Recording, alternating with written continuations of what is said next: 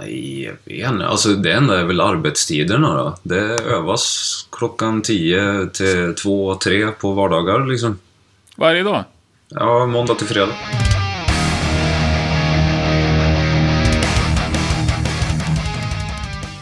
Nej men hej och varmt välkommen till avsnitt 227 av Rockpodden. Idag har vi det stora nöjet att ta ett ordentligt snack med Thomas Järmyr. Han är en eh, internationellt hyllad trummis. Född och uppvuxen i Sandviken, numera boendes i Trondheim. Han är ju i dagarna albumaktuell med eh, bandet Motorcycle som han är medlem i sedan några år tillbaka. Ett fantastiskt spännande band som passar eh, utmärkt för en eh, oerhört spännande trumslagare. Han trummar på massa andra grejer också och eh, har ju dessutom en liten solokarriär. Det där kommer vi snacka om och massa annat kul som alltid när det gäller trumslagare. Vi rullar igång bandet. Du lyssnar på Rockpodden. Thomas Järmyr är veckans gäst. Jag heter Henke Branneryd och jag önskar dig en god lyssning. Ja, nej, vad fan, vi kör då. Ja, kul. Med tiden här. Thomas Järmyr, varmt välkommen till Rockpodden. Tack ska du ha. Hur är läget med dig? Väldigt, väldigt bra. Väldigt, väldigt bra. Du är ju Sandvikspojk, men du låter ju som en fullblods norrman, nästan.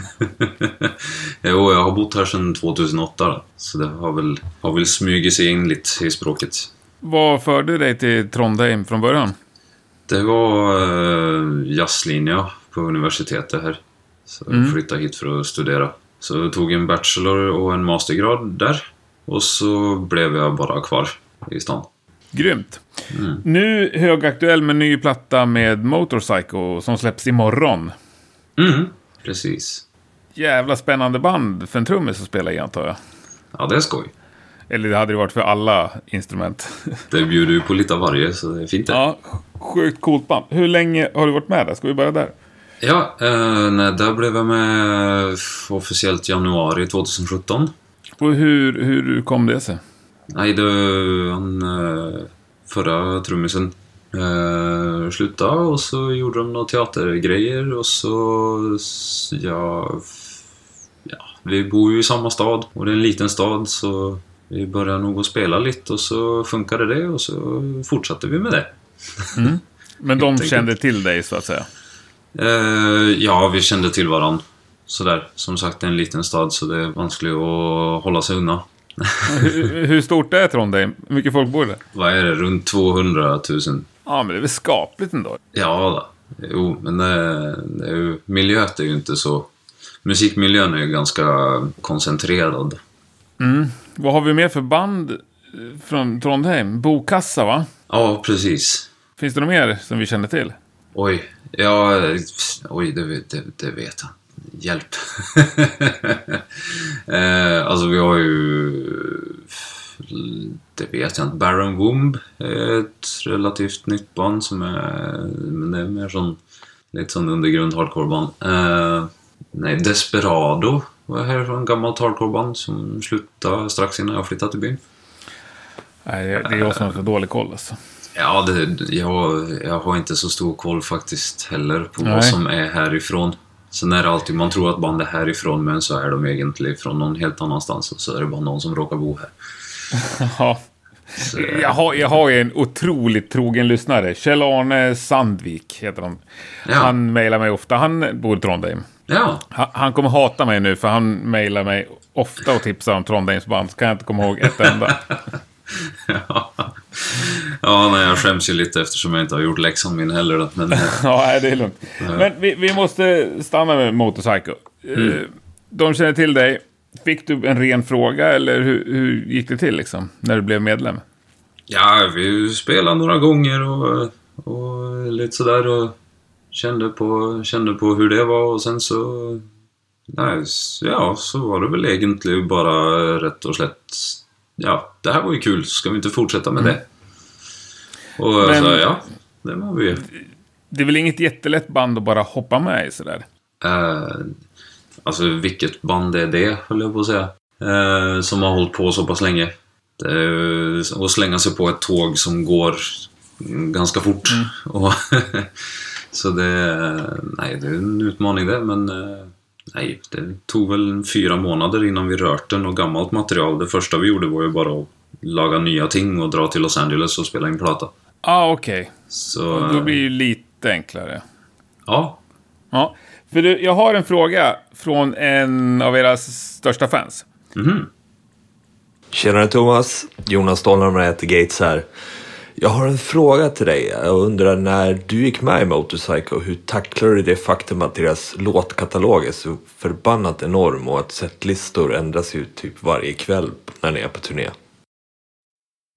Eh, alltid olika setlist eh, varje kväll. Och en, ja, nej, hur jag tacklar det. eh, ja, nej, jag vet inte. Det är bara att försöka att finna plats på hårddisken här uppe och ja, försöka att lagra ting så gott det går. Nej, men det är ju, det är ju, alltså, jag är van till att lära mig ting som andra har lagt förr och, och liksom sådär, så det, det är inte något större problem egentligen. Det är liksom... Eh, jag är värdelös på att komma ihåg namn på låtar. så, så när det plötsligt står på setlisten den och den låten så må jag in på då må jag in på, eh, på internet och bara köpt höra hur den startar bara för att komma ihåg vilken jäkla låt det är. Det här gör jag inte på scen då, så, så, så säger jag, utan på, Ja. på, tidigare på dagen, visst det är någon jag inte kommer ihåg. Men det är ju bara, alltså man, vi övar mycket och det, det sätter sig ju till slut. Ja, ja, det låter ju så enkelt bara. Ja, det, det är ju skitsvårt. I starten så var det ju jättesvårt, framförallt. Eh, när det var så mycket nytt. Så blev det- allting blev bara huller om buller, för min del. Ja, för det är så fruktansvärt mycket material som finns. Mm. Och låtarna är ju otroligt långa. Massor av låtar som är 10-15 minuter långa. Mm. För mig är det sån, liksom sånt berg av information att lära sig. Så jag skulle liksom aldrig... Jag skulle inte veta var jag skulle starta. De är ju lättare att lära sig. Är de? Ja, absolut. Det tycker jag. För det, det, är svårare och det är svårare att hålla isär de här hundra låtarna som är som tre, fyra minuter långa. Mhm. Det är mycket svårare eh, för min del. Så det är lättare att lära sig större strukturer, tycker jag. Men, men finns det en lista med låtar som ni aldrig kör live? Som du aldrig behöver liksom lyssna på, så att säga? Eh, den listan blir ju kortare och kortare. Ja. Eh, för det, alltså, jag, jag vet inte hur många låtar vi har varit igenom nu. Det, ja, det, det har jag faktiskt ingen aning om, men det börjar väl närma sig en, det är väl en drygt hundra låtar som vi har spelat någon gång. Sen jag blev med. Och det är liksom, det går ju i cykler och så helt plötsligt så är det gamla låtar som de har varit less på och helt plötsligt känner att nej men fan nu, nu kör vi den här och jag har bara som aldrig hört den. Och så, men då utvidas ju mitt bibliotek då. Så Ja. om, eh, ja, om fyra år till så kanske jag är halvvägs i kapp då. Men hu- hur lång heads-up kräver du för att lira en låt live, så att säga? Nej, jag har fått den på soundcheck och spelat den samma kväll. Mm. Sen hur bra det gick, det är en annan fråga. Nej, men finns det... För jag menar, även i er katalog så finns det ju lättare och svårare låtar, antar jag. Ja. Finns det någon där du känner, men den här kan jag inte tills ikväll, den här får vi vänta med tills imorgon? Ja, det har jag. Det, har, det, det må man ju se. Alltså, det, det är en ting att spela nya ting och ta det på sparken och det är liksom... Det är kul och det, det sparkar som fan liksom. Det, det kan vara, men när det går över till att det lagar en osäkerhet på, på andra ting, alltså när det riskerar att bli för, för dåligt, då, då må man ju sätta ner foten och säga att det här är inte... Det, nu, nu är det inte kul. Det, och, och, så då vi tar den imorgon liksom. Och då, det, det, det är lugnt liksom. Men det, det är ju kul att ta vissa låtar som man har hört. Speciellt om man har hört dem en del gånger, men aldrig spelat det. Ja. Då är det ju, jag huskar som förleden så var det en gammal lång sak som inte har spelats på länge. Eh, som jag har hört massa men aldrig spelat på trumsetet och så började vi öva på den och det, det gick ju väldigt bra. För den sitter liksom i örat då. Och det är ju så jag plejer att göra på, på tur också. Om det är låtar som har luftats, att den kanske vi har lust att spela. Jag vill bara gå och hör på det lite varje dag. Och laga en liten lista med en shortlist med sådana låtar. Och så visst det plötsligt kommer upp på soundcheck att ja men den har vi ju lust att spela. Ja men då, då sitter den i vart fall lite i, i gehöret. Då är det inte så vanskligt att få ut det på trummesetet. Jag fattar. Men, men vilken skulle du säga är den absolut knivigaste låten? Hittills. Den absolut knivigaste låten hittills att spela? Uh, oj. Det var, det var svårt ja. Nej, det, det, det vet jag inte. Det, Vilken är roligast då? Jag vill bara ha en öppning och klippa in en låt här. Ja, nej alltså... eh, Vi har aldrig spelat den live då, men... Uh, vad fan heter den då? Första spåret på Little Lucid Moment-prata är jättekul. Den heter Little Lucid Moments, heter den. Suit. Ja, se där. 21 minuter och 5 sekunder lång. Vi klipper inte in hela.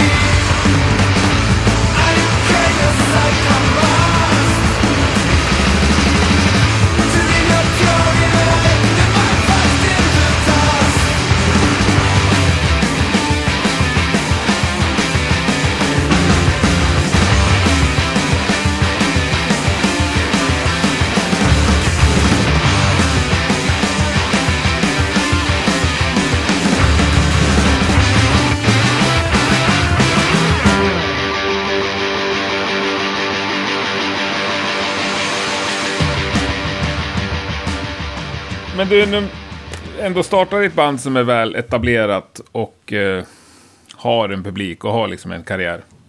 När du kom med i bandet, vad, vad, vad fick du för regler att förhålla dig till? Vad sa de? Vad var det som gällde i Motorcycle? Eh, regler? Nej, jag vet inte. Det är det jag har försökt att finna ut av då.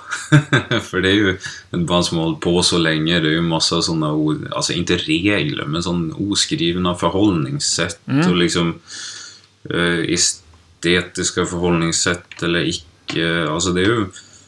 Ja, nej, jag fick ju liksom inte en, ett, ett papper med punkter att det här må du förhålla dig till och det här ska göras och det ska inte göras. Utan det, Nej, det är ganska fri flyt alltså. Det förstår jag såklart också. Men jag tänker vissa är väl tydligare och vissa som du säger märker man efter tiden. Ja, det här är väl eh, det andra alternativet där då. Mm. Det, Men kan du säga något sånt som, som du ändå har märkt? nej, jag vet inte. Alltså det enda är väl arbetstiderna då. Det övas klockan 10 till 2, 3 på vardagar liksom. Varje dag? Ja, måndag till fredag. Shit, vara seriöst. Ja, det... så eh, i, i perioder så hålls ju det. Men det är liksom då... Visst man är i stan och, och inte gör något annat liksom så är det alltid... Då kan man alltid gå ner där och jobba då. Och det är som regel alltid någon där. Och ibland är vi... Ofta är vi alla tre eller så är det bara någon som sitter där och jobbar med några grejer, skriver några låtar eller jag går ner och bankar in trummor på några demos själv. Eller ja, någon håller på att forska på en gitarramp, jag vet inte. Det är liksom, men eh, som, som regel, speciellt inför turnéer och sånt, då är det liksom det är arbetstiden då. Mm. Eh, och det gör ju att man kan stå och lära sig en massa låtar. Fattar. Men ni är en trio. Mm. Mm. Reine Fiske, vad har han för roll i bandet? Eh, nej, han är en fantastisk joker. nej, men han är ju ofta med då, så, så, så ofta han kan och, och så länge det, det, är, det lar sig göra. Då. Och det är ju jättekul. Det är jättekul. Fattar. Eh, Men är han med någonting på nya plattan? eh, ja, Ja. han. Den skivan blev ju spelad in, eller inspelad eh, i Frankrike under samma session som The All Is One. Okej. Eh, bara Ja, det alltså att den... All Is One blev spelad in på Giske. Den Nox-sviten blev spelad in på Giske, Ocean Sound-studion utanför Ålesund. Och resten av låten är från den samma sessionen som den platan som kommer nu. I Jag Frankrike. fattar. Men, men hur, hur liksom väl... Hur mycket är improvisation av det, det vi hör? Eh, på nya skivan?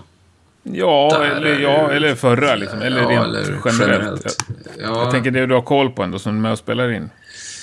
Nej, alltså improvisation, det, det, det, det beror ju lite... Alltså, när jag som jazztrummis tänker på improvisation så tänker jag på det på kanske ett annat sätt än vad man skulle göra från ett eh, rockehuvudperspektiv. Mm. Så för min del så är det inte så mycket improvisation.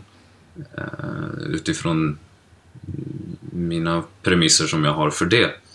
Men alltså platan som den är spelad in, alltså som sagt det är från samma session så platan var ju inte färdig när vi gick i studio för exempel. Så det var ju, låtan var ju så si, sån ska det vara. Och så finner man ut av vad som funkar där och då och sen etterpå så sätter man ihop plattor av det material som finns. Eh, Så det är ju inte att man har spelat sönder sakerna innan och, och går i studio och nailar det liksom. Det, Nej. det funkar inte så. Fattar. Utan Ja, det hörs nästan. lite mer, ska man säga, flytande process. Ända, Mm. till, ända till mastern kommer i posten liksom. Men hur spelar ni in? Det är, det är lite olika. Det beror lite på låten och, och hur, hur färdig den är. På något. Alltså ibland så kan vi spela in alla, alla tre på en gång och köra grundkomper först. Och hvis, eh, när jag är förnöjd med trummorna så är det det som... Då, då går man in och om det är något som behöver fixas på resten så gör man det. Mm. Alternativt låtar som inte är alltför klar eller som man inte har övat allt för mycket på så har vi ibland spelat in bas och kanske gitarr till och med först. Framförallt bas, få ett bra basspår. Och så har jag lagt trummor efterpå med ledvokal Okej. och sånt. Så att, Mm. eh, så att det är någonting att spela på liksom, för min del. Mm. Annars är det lätt att det blir, eh, speciellt hvis man inte har dynamiken, är inte helt satt för min del ännu, så är det vanskligt att sitta och spela trummor och inte, inte helt veta vad jag spelar på. Ja. Eh, och det kan låta ganska tråkigt efteråt. fattar. så det, det, det, är lite, det är lite olika beroende på var, vart man är i, i processen med låten. Då. Mm. Men mm, vad är, vad är din styrka som trummis? Tycker du? Oj! Min styrka som trummis, som jag tycker. Eh, oj. eh, det är väl sån, sånt man ska fråga andra om, höll jag på att säga. Men, Men det är eh, så tråkigt. ja, nej, min styrka det är väl att jag... Ja, jag lär mig fort. Jag tar grejer rimligt fort och eh, är väldigt bra på att lösa, lösa knepiga situationer. alltså, jag är bra på att rädda saker. Okej. Eh, det är jag. jag. Detter inte av stolen visst det sker någonting. Nej. Eh, Så jag skulle vilja säga att jag är en, eh, jag är en god problemlösare där bak. Ja, men det är väl viktigt. Det, det skulle jag faktiskt säga är en, en av mina styrkor. Ja, ja det är skitbra. Eh, Men, eh, men om vi ändå tar det rent spelmässigt då. Vilken typ av spel tycker du själv att det svänger till mest på? Ah, fort och hårt. Nej, då. nej, eh, nej, jag vet inte. Alltså när det är... mm, När man har... Alltså när, när, det, när man lyckas träffa det där samspelet mellan hur man känner musiken och hur man spelar den. Eh, när, det, när det resonerar så är jag absolut som bäst. Men det innebär ofta, speciellt i den här kontexten, så innebär det att eh, både publik och kanske ljudtekniker och medmusiker inte är helt happy över ljudnivåt. Ah. För det kan bli lite höjt. Ja, Eh, och jag liker att slå hårt. Eh, det låter bäst då. Och så är det liksom rätt och slätt, man blir även med. När, när adrenalin och sånt får, eh, får liksom fullt utlopp så, så blir det bra. Men det är ofta då det låter bäst också. Mm. Eh, jag är dålig på, eller jag är inte dålig på, jag kan sitta och hålla igen också, men det är inte lika kul.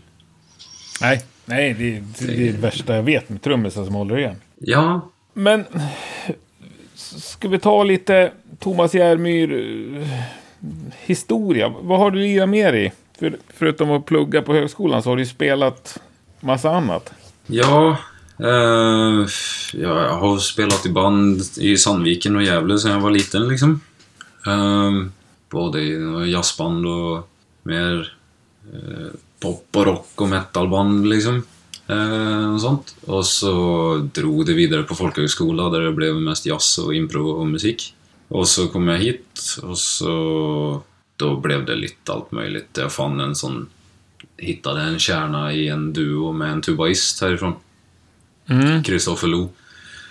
Eh, vi bildade duon Jodok som är liksom improviserad, helt improviserad musik men med liksom estetiken till eh, lite mer brutal och höjligt musik då. Det, Ja, det är ju skitcoolt, men det är ju svårlyssnat för en som mig som är ovan med jazz. Liksom. I alla fall den här typen av jazz. Ja, men det, det är nog med att ha en dronande tuba som bara står och lagar en massa lågfrekvent bråk och så ska du spela blastbeats till det visst du vill. Bara det att du vet aldrig när det slutar.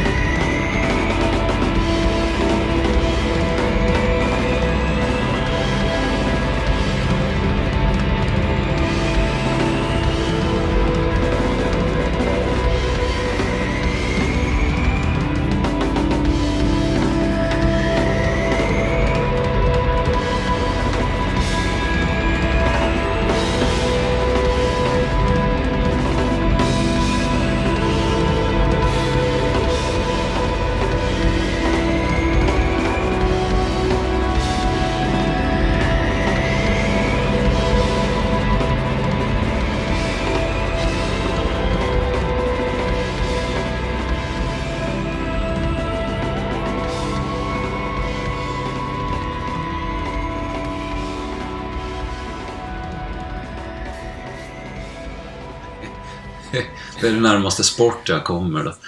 Kanske. Men... Det är inte svinkommersiellt, så kan vi säga. Åh nej då. Det, det, det är inte. Nej, men sen eh, så har jag spelat allt möjligt med både storband och, och jazzvokalister och, och elektronika, popsaker. och, Ja, diverse ting eh, upp igenom. Och så spelade jag i några år med ett italienskt band som heter Su. Mm. Det var en... Det var lite sån... Ja, det, det var jävligt kul.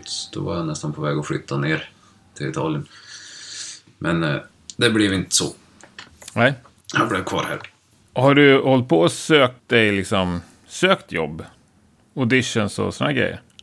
Nej, inte, inte, i den, inte i den klassiska meningen. Nej, utan det... Nej, alltså Motorcycle är väl nästan det närmaste jag har kommit i sån, så sätt. För då var det faktiskt jag som mejlade först och spurtade om vi skulle jamma en dag liksom. Så det är väl det närmaste jag kommer på att ta ett sånt initiativ själv då. Annars så har jag bara blivit frågad. Eh, vilket ju är jättekul. Sen har du ju också eh, en liten solokarriär. Det tycker jag måste vi prata om. En liten en! Ja, men det finns ju ändå gig liksom. Jo då. Jo, den, eh, det startade som mitt... Eller det var en idé som jag fick när jag... En vidareutveckling av det här Jodok-bandet då. Eh, Jag tänkte, hur kan jag laga de samma typ av landskapen som, som andra instrument kan laga, men hur kan jag göra det med trummor? Och på ett trummesätt så är ju resultatet att du må bara spela jävligt fort för att hålla en, en trumma sjungande liksom. För att få en lång ton. Men så tänkte jag, ja men cymbaler då? Ja men de, ja det låter ju inte så mycket. Jo då, men bara sätta en mikrofon en par centimeter ifrån så har du massa bottenfrekvenser och allt möjligt. Så då började jag forska på det. Jag är väldigt inspirerad av Sun och, och sådana typer av band. då.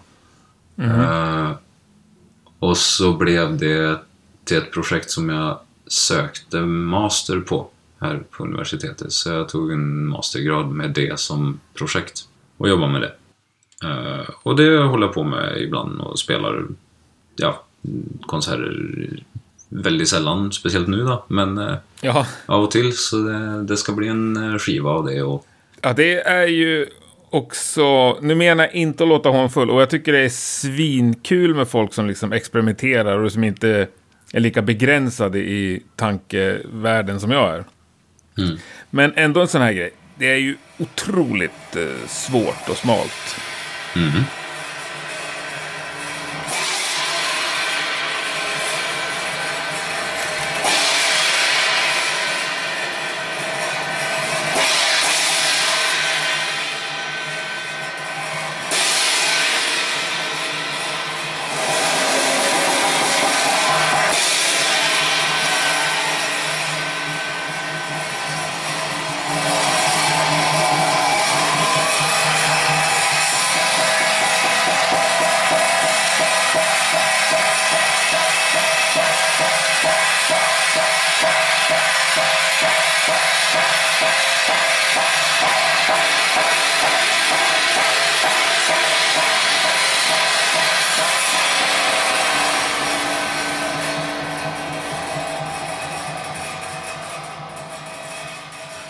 Finns det någonstans när du kan känna att nu, nu liksom går det över gränsen?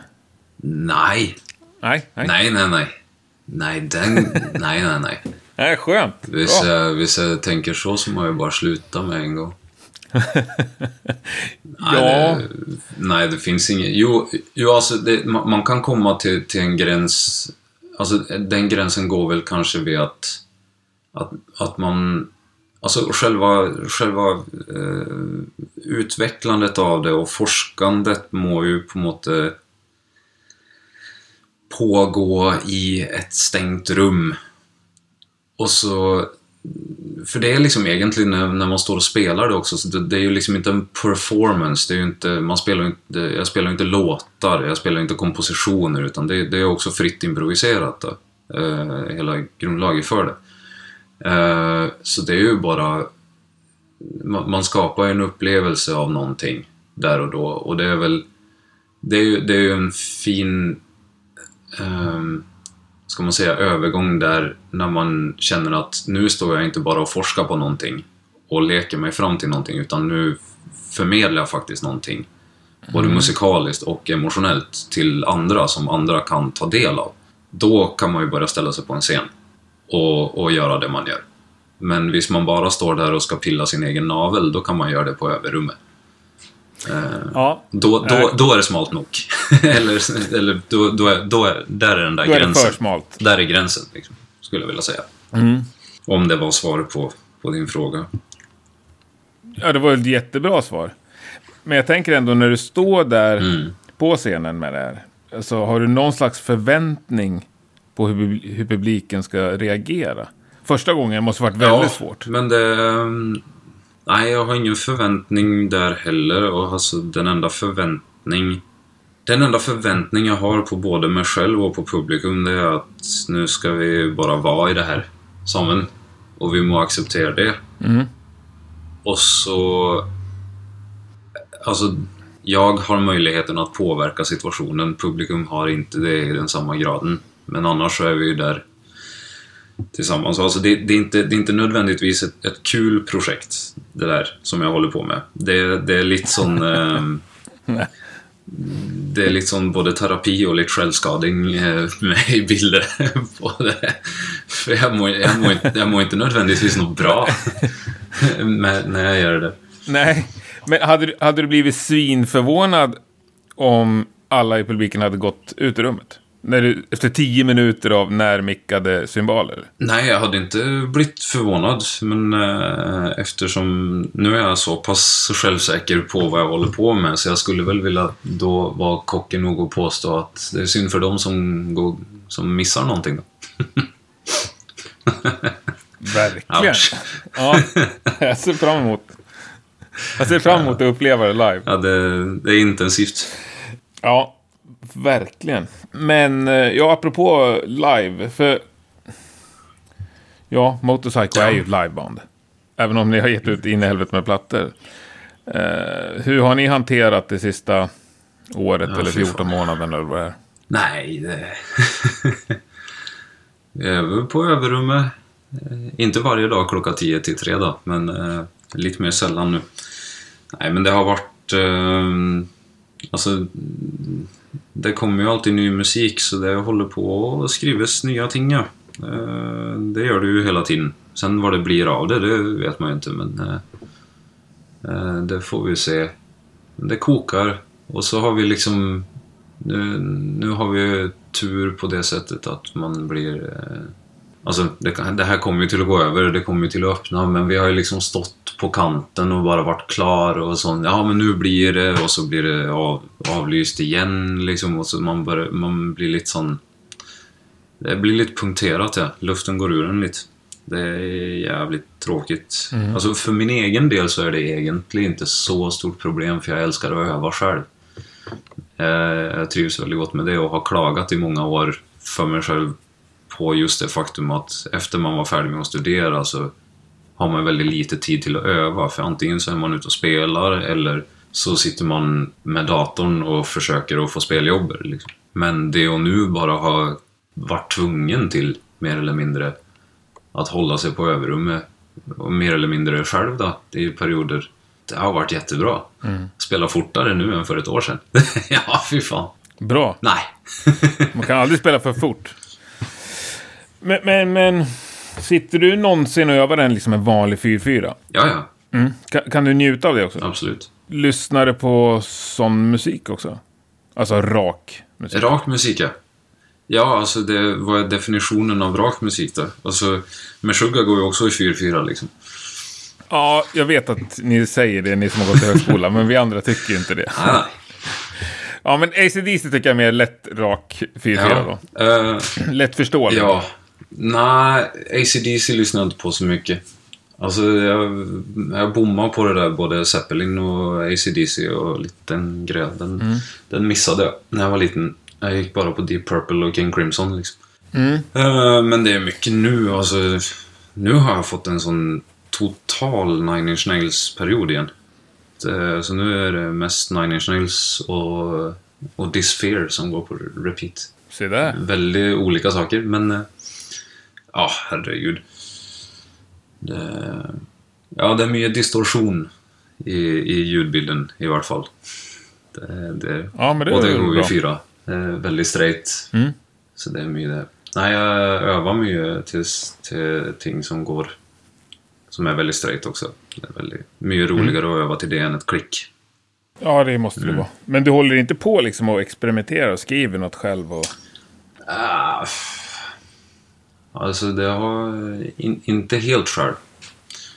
Inte helt själv. Men det, det här året så har man ju börjat, mm, börjat tänka lite i de banorna att man, eh, ja, man har ju en massa idéer så kanske man ska försöka göra någonting av det. Liksom, se om det kan bli någonting. Men det har alltid, jag har aldrig varit en sån, jag är bra på att, att eh, bygga på en boll som rullar.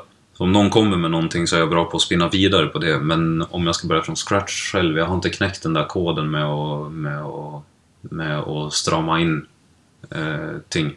Så från början, det är liksom för öppet för mig. Så jag får inte, jag får inte ta Ja, i det. Så det, men det, vem vet, vem vet. Lirar du något annat instrument än trummor? Eller slagverk? Ja, jag spelade, jag tog faktiskt baslektioner aktivt från jag var 8 till jag var 16. Så, så det, är en, det är en gammal basist i, i den här gruppen också.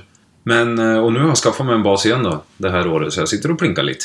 Så eh, vem vet? Då då har ju ett trummor och bas eh. Ja, precis. För jag tror, jag tror, jag tror inte jag ska kasta mig och, och, och slänga ut några nå basidéer till Motorcycle. Där, där tror jag vi har någon som är lite mer kompetent än, än mig på det alltså. Ja, precis. Hå- Håll Ja. på dig själv. jag tror Han är det. jävligt bra på lira. Ja, fy fan. Ja. Så älskar jag den här upp och ner eh, spelet också. Det blir, det är coolt. För det blir lite, det blir ett originellt spel. Ja, det sätter ju andra premisser. Så det, Alltså att man har strängarna upp och ner, ska Mm. förklara för de som inte vet. Men började du alltså lira bas innan du började lira trummor? nej, jag började spela trummor när jag var två, tre år. Ja, det är tidigt. Ja, så sen var det väl ett behov av att spela något mer tonalt instrument då. Mm. Så var ju bas närliggande. Och det är bra, det tror jag har haft mycket nytta av. Just det, just det att höra, höra bas och trummor tillsammans och ja, Mm. samspelet däremellan. Så det, det rekommenderas till Ja. alla trummerslagare som inte har plockat upp något annat. Ja, och till alla basister kanske också, lära sig lite trummor. Ja, det är ingen dålig idé. Nej, Alla borde lära sig lite trummor. Liv, livet är så mycket roligare med trummor. det hade varit så otroligt mycket roligare om alla också hade trumset Ja. hemma. Ja. Släng alla akustiska gitarrer, köp Ja. trumset. Hemmafesterna, det blir mycket Åh, ja. Eh, Finns det trummisar som du fortfarande lyssnar på och inspireras av? Liksom? Ser upp till? Eller vad man Ja, säga? då. absolut. Det, absolut. Alltså mina tre favorittrummisar någonsin är ju, är ju svenskar då. Är det sant? Ja, ja. Jo, alltså, vi har ju alltså de gamla, alltså Buddy Rich och Elvin Jones och, och Tony Williams och de folka där, det, det går ju inte att komma undan den, den inspirationen och allting sånt. Men de som har vält, vält hus för min del, det är ju Thomas Hake med Suga, Morgan Ågren och Thomas Hedlund från Karltorp-Luna. Det är ju framförallt de tre som verkligen har sparkat mig vidare i hur jag spelar trummor då. Mm, grymt. Hur skulle du lösa och spela med Suga? Hur jag skulle lösa det? Förra veckans gäst, han hoppade ju med med Suga på Ja, gitarr. Per! Också från Ja. Gävle. Ja, exakt. Uh, uh, han tyckte inte det var så jävla märkvärdigt. Lite som dig med Motorcycle. Men hur skulle du lösa att hoppa in i Meshuggah? Ja, först och främst så har jag, alltså, jag förstår det och hör det, så det är inte problemet. Men den, den fysiska koordinationen är, den, den, den, uh, jag, jag hade behövt och sagt upp allt annat och satt mig i ett halvår och jobbat konstant med den koordinationen till att börja med. kan, kan du vara mer specifik där? Liksom? Vilken exakt koordination menar du? Ja, alltså mellan de fyra lemmarna, helt enkelt. Det är liksom... eh, Det är... Det, Men- det är att hålla balansen och sitta på en stol. och gör det där. Jag, jag, det är liksom, jag förstår det, men jag kan det inte. Nej, men vilken tror du är liksom ändå första tröskeln du skulle vara tvungen att ta dig över, så, rent koordinationsmässigt? Eh, Det är... Ja, första tröskeln, det är vänsterfoten på, på basstrumma och få den eh, lika oberoende som, som högerfoten. Det är där, alltså, jag har mest brukt vänsterfoten till att spela Alltså till att spela alltså jämna slag, blastbeats och sånt och det är liksom det, det går fint men, eh, men det där att spela sådana mönster som, eh, som man håller på med där det, Alltså jag, jag fysiskt trillar till sidan när jag ska göra det. Ja, jag, fattar. Det, det blir kortslutning i huvudet och det är allt möjligt. Det, ja, det är helt sjukt. Jag, blir alltid lika imponerad När jag tänker, jag sätter mig ner och så ska jag försöka planka en låt och så är det bara sån, ja men det här ger ju fullständig mening. Och, och, så, och så säger kroppen bara att nej, det här, det här kan du bara skita i. Och så ramlar de omkull. Ja, och då är det tillbaks till att börja, då, ja, men då, då må man bara sätta sig och öva. Och det är jättekul. Eh, upptäcka ting som man inte klarar av i det hela tatt och försöka finna ut av vad är det jag må öva på för att eventuellt kunna klara av det här. Sånt tycker jag är jättekul. Den forskningen där. Ja, härligt. Men lirar du något dubbelkaggat med Motorcycle? Eh, nej. Nej. Jag har haft, haft med en bastrumma till eller en, en dubbelpedal ibland och det är liksom... Eh, det är bara som jag tog, jag tog ett aktivt val när jag började att inte göra det. Eh, för jag, jag diggar sp- till Kenneth så fruktansvärt mycket. Mm. Jag älskar det. Det, det. Det är på grund av han som jag känner till Motorpsycho i utgångspunkten. Ja. Eh, så det, Kapstad ska vi säga. Ja, precis. Som vi nu hittar i Spider God, som jag snackade om här om veckan faktiskt. Ja, precis. Han, eh, han hade ju en duo med Stian Westerhus, en gitarrist. eh, En duo som heter Monolithic. Mm. Och det var det jag hörde när jag gick på folkhögskola och det var en av grejerna som fick ögonen upp för Trondheim då.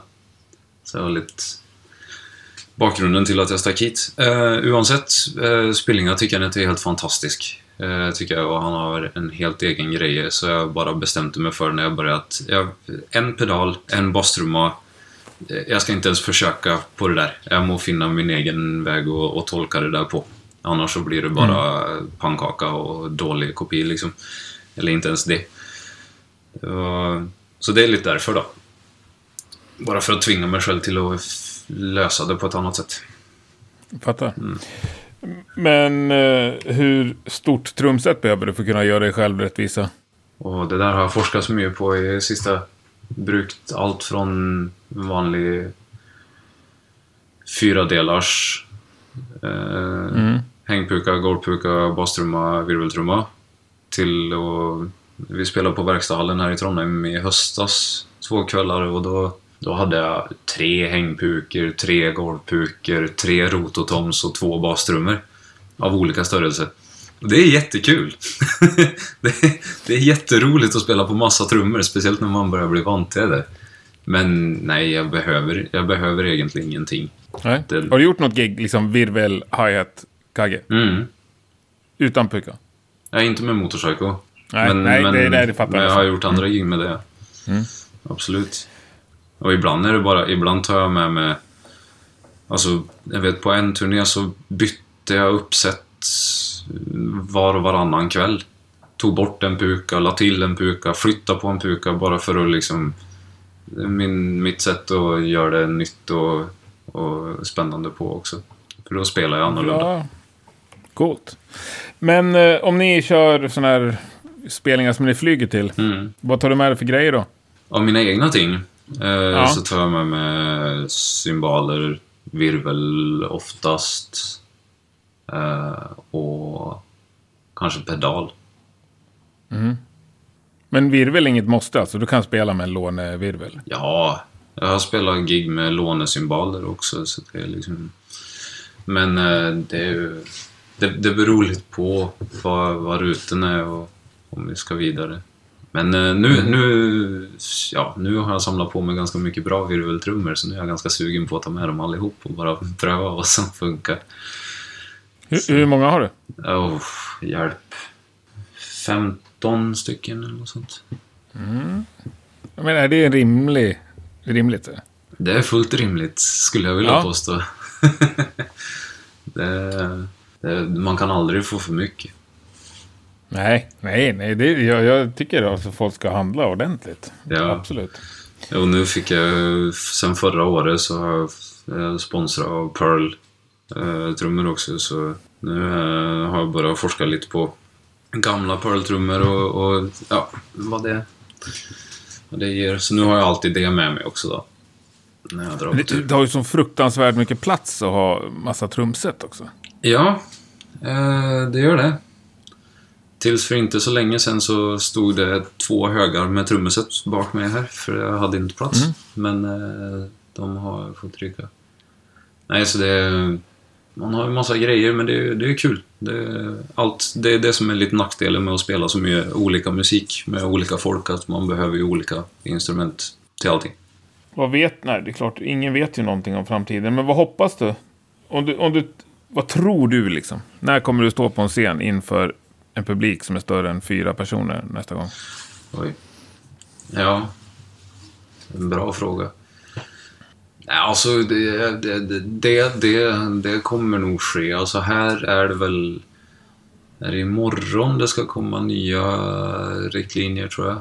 Och då kanske, då tror jag de öppnar upp för 100 pers igen. Så som det var innan påsk. Men det är på fastmonterade stolar, eller mont- ja, stolar och allt möjligt. Det är jättekonstigt. Så det, det kommer nog ske eh, ganska snart. Men eh, det här med att dra ut och spela för en massa folk och sånt, alltså jag, har, jag har slutat att vara optimist. Så september kanske.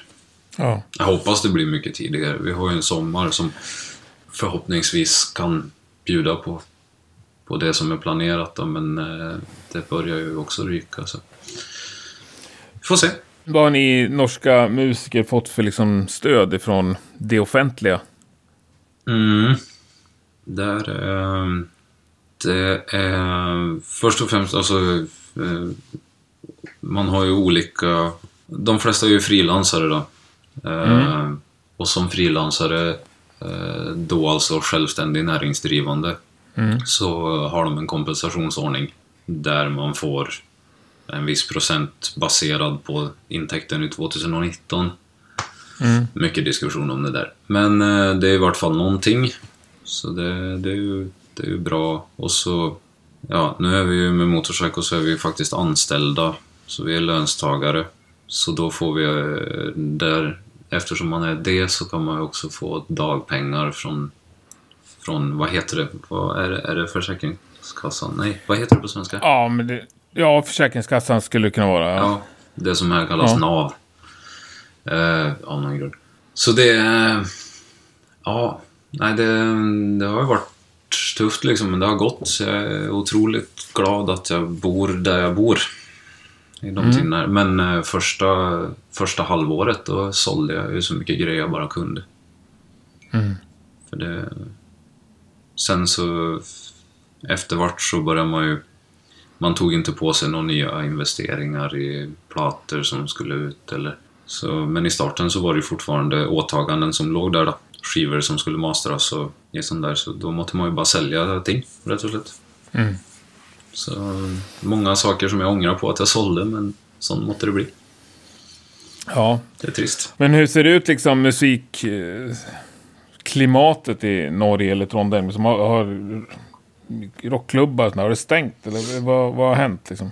Ja, alltså det där är ju... Eh, det är väl flera i Norge som har varit tvungna att bomma igen för gott. Nu har jag inte exakt översikt på vilka som bara är tillfälligt stängda och vilka som har gått i, i graven totalt. Men här har ju det mesta varit stängt nästan hela vägen.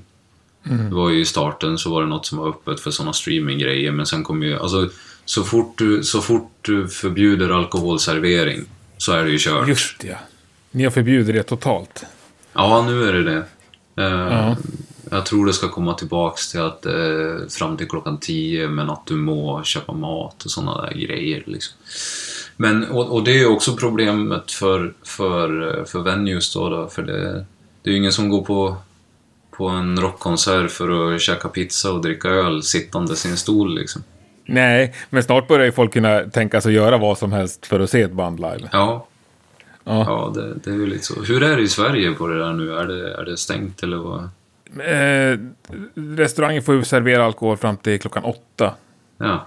Men du får ju bara sitta fyra personer runt ett bord. Mm. Och du, du får ju liksom inte ha tillställningar för mer än åtta personer. Om säger en offentlig tillställning. Mm. Så samma, alltså det finns ingen, ingen som helst kulturverksamhet Nej, som pågår nej, sant. med publik. Nej, vi, vi skulle ha spelat här på byscenen i Trondheim i, i påskveckan, men eh, då kom ju nya regler som gjorde att det gick ner från 100 till 20 personer. som var tillåt. Och då var det bara att Nej. se, ha det liksom. Det, det funkar ju inte.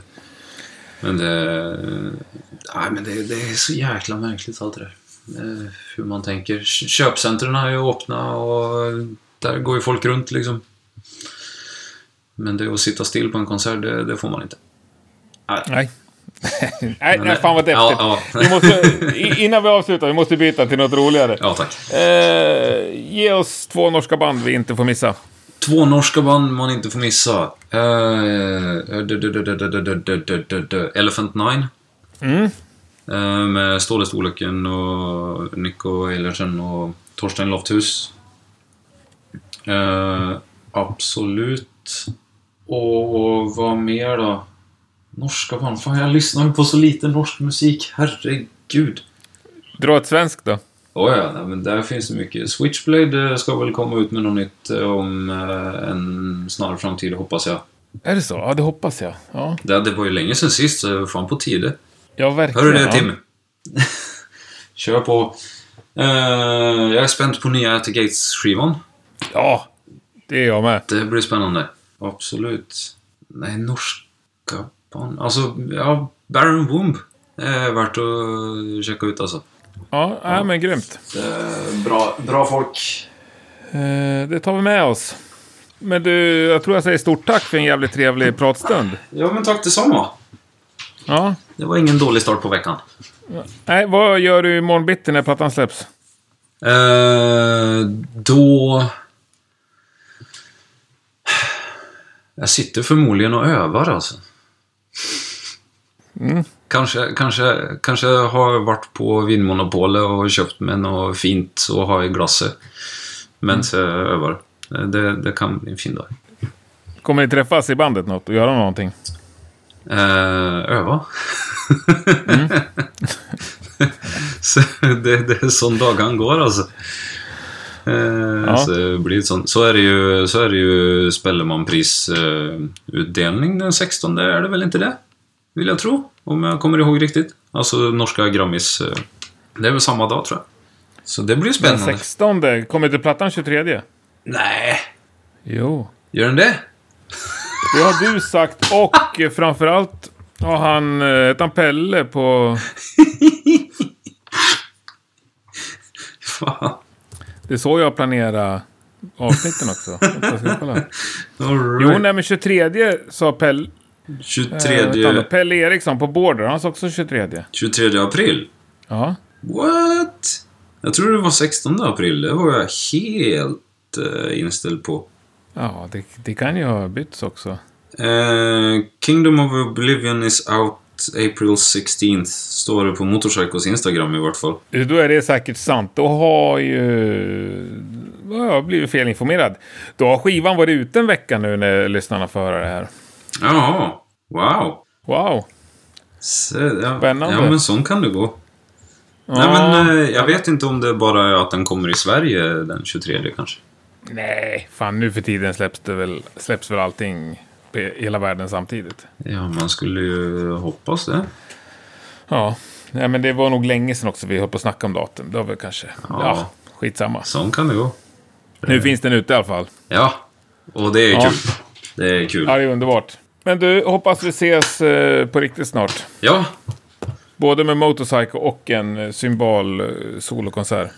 Ja, så va- vart är du någonstans då? Är du i Stockholm nu? Stockholm, ja. Ja. Det, vi skulle ju spela, skulle göra debutkonsert med Cardinal Maniac på, vad var det då? En, en festival i Stockholm. Men just det, fan vad dum i huvudet jag. Varför inte prata om det? Du är ju du är med där ju. Ja, precis. Ja, och Sandviken och Olle. Men förlåt, Ja, ja. nu kör vi, måste vi köra vidare. Ja, Så det, det, det, det, det skulle ju blivit gjort i september förra året, men det ska väl förhoppningsvis bli gjort i år då. Så det, det, har, det har jag hållit på att spela in lite trummor till då. Här uppe. på Mackenfest. Ja, precis. Precis, det var det. Så det, nej, jag har, en, jag har en, eh, en tur till Stockholm till gode där. Så det mm, hoppas jag Fan blir. vad trevligt. Ja. Ja, men då kommer vi ses. Men eh, shit, ja men sorry. Alltså då, jag jag vet att jag och Olle pratade om dig när Olle var med i Rockpodden. Jaha. Det är för mycket namn och för mycket band i min lilla, Ja. lilla hjärna. Det kan fort bli så. Ja, men Cardinal Maniac är ju svinkul projekt ju. Ja, det är jätteroligt.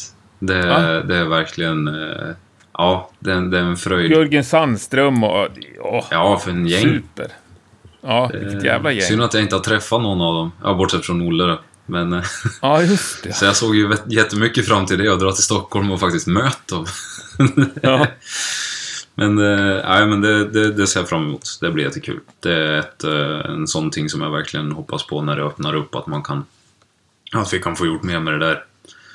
Det var, jag känner mycket folk i Stockholm och det hade varit kul att bara dra dit och spela och hänga i ett tag. Så kommer det bli i framtiden. Ja, hoppas vi på det.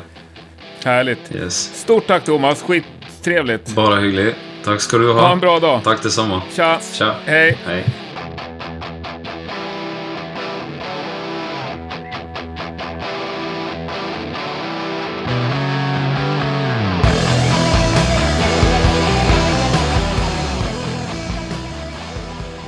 Det var det. Ännu en eh, vecka, eller ett avsnitt i alla fall, till sin ända.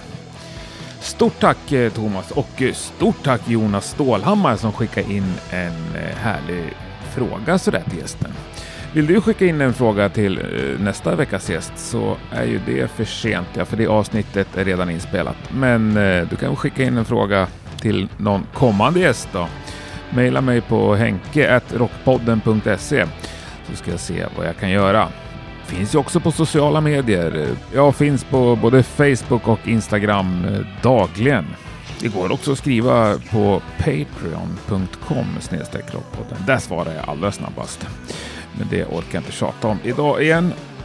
Ha nu en fantastisk vecka så hoppas jag innerligt att vi hörs nästa torsdag igen. Nu avslutar vi det här med titelspåret på nya Motorcycle-plattan. Det här är Kingdom of Oblivion. Tack och hej!